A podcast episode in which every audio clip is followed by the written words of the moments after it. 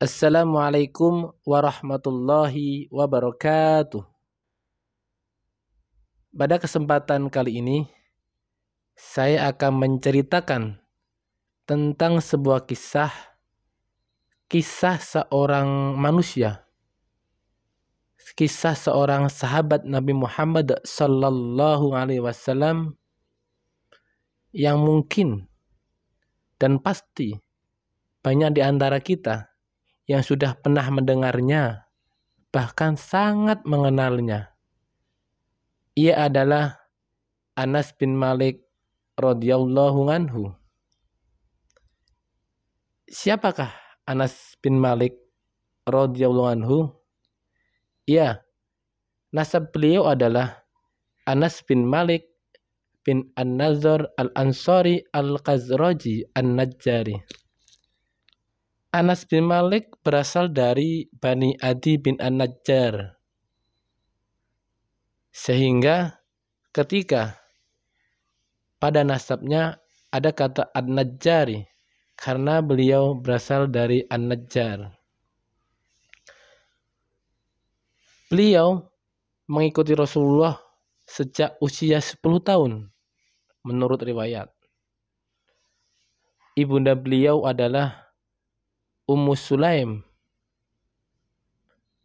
Ummu Sulaim menyuruh Anas bin Malik untuk mengabdi kepada Rasulullah Sallallahu Alaihi Wasallam.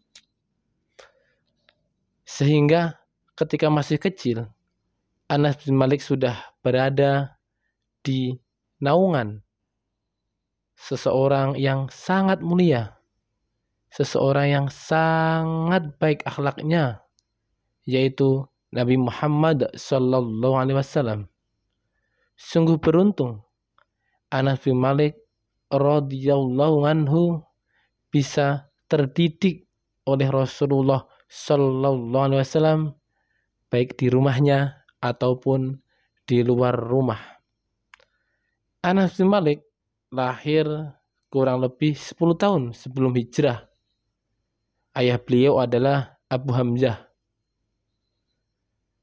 Abu Hamzah meninggalkan Ummu Sulaim ketika Ummu Sulaim masuk Islam dan beliau meninggal di kota Syam pada waktu itu.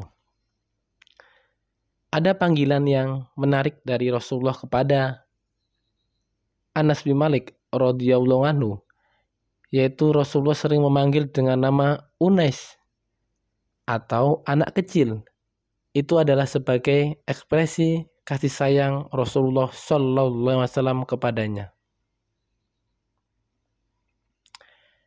Selama 10 tahun kurang lebih 10 tahun, Anas bin Malik menjalin kedekatan dengan Rasulullah Sallallahu Alaihi Wasallam. Padahal beliau masih anak kecil, tapi karakter pribadinya sungguh menakjubkan, sehingga sungguh beruntung beliau.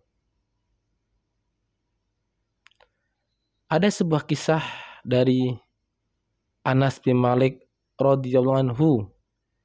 Ini diriwayatkan oleh At-Tirmidzi dari sanatnya Anas sendiri. Anas bin Malik berkata, Aku membantu Nabi Muhammad sallallahu alaihi wasallam selama 10 tahun.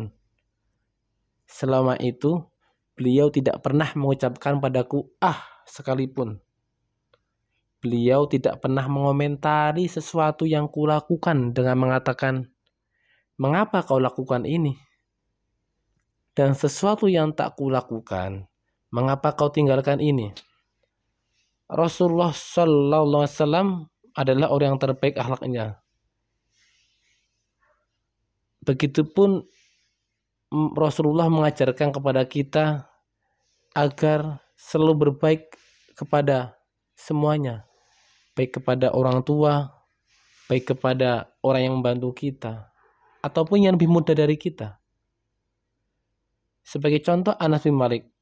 Anas bin Malik pada waktu itu mungkin pada zaman sekarang adalah asisten rumah tangga.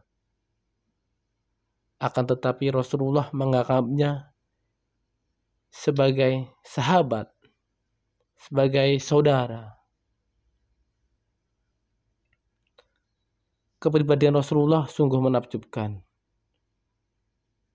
Anas bin Malik tidak pernah menyentuh sutra yang tebal maupun yang tipis ataupun sesuatu yang lebih lembut daripada tapak tangan Rasulullah sallallahu alaihi wasallam. Dan beliau tidak pernah mencium aroma parfum mana pun yang lebih wangi daripada bau keringat Rasulullah sallallahu alaihi wasallam. Anas bin Malik termasuk anak yang sangat cerdas. Anas bin Malik adalah orang yang memiliki kemampuan menulis. Kemampuan menulis ini adalah suatu keunggulan yang tak biasa dimiliki oleh orang pada zaman tersebut. Karena pada saat tersebut banyak orang yang tidak bisa mengerti huruf ataupun tidak bisa membaca huruf.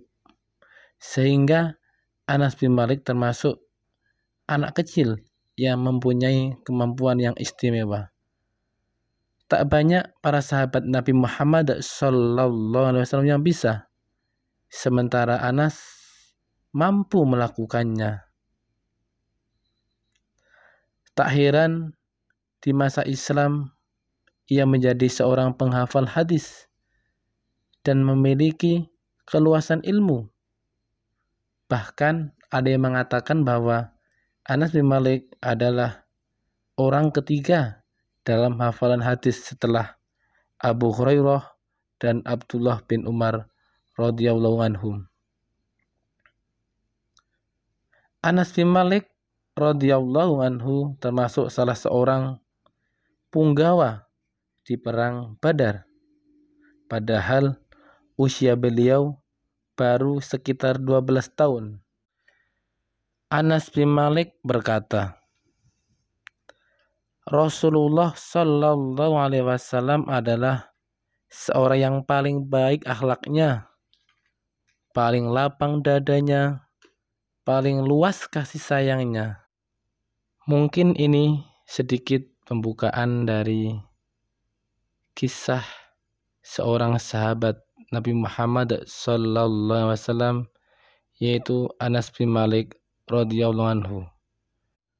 Semoga ke depannya bisa menceritakan melanjutkan kisah Anas bin Malik dengan tema selanjutnya.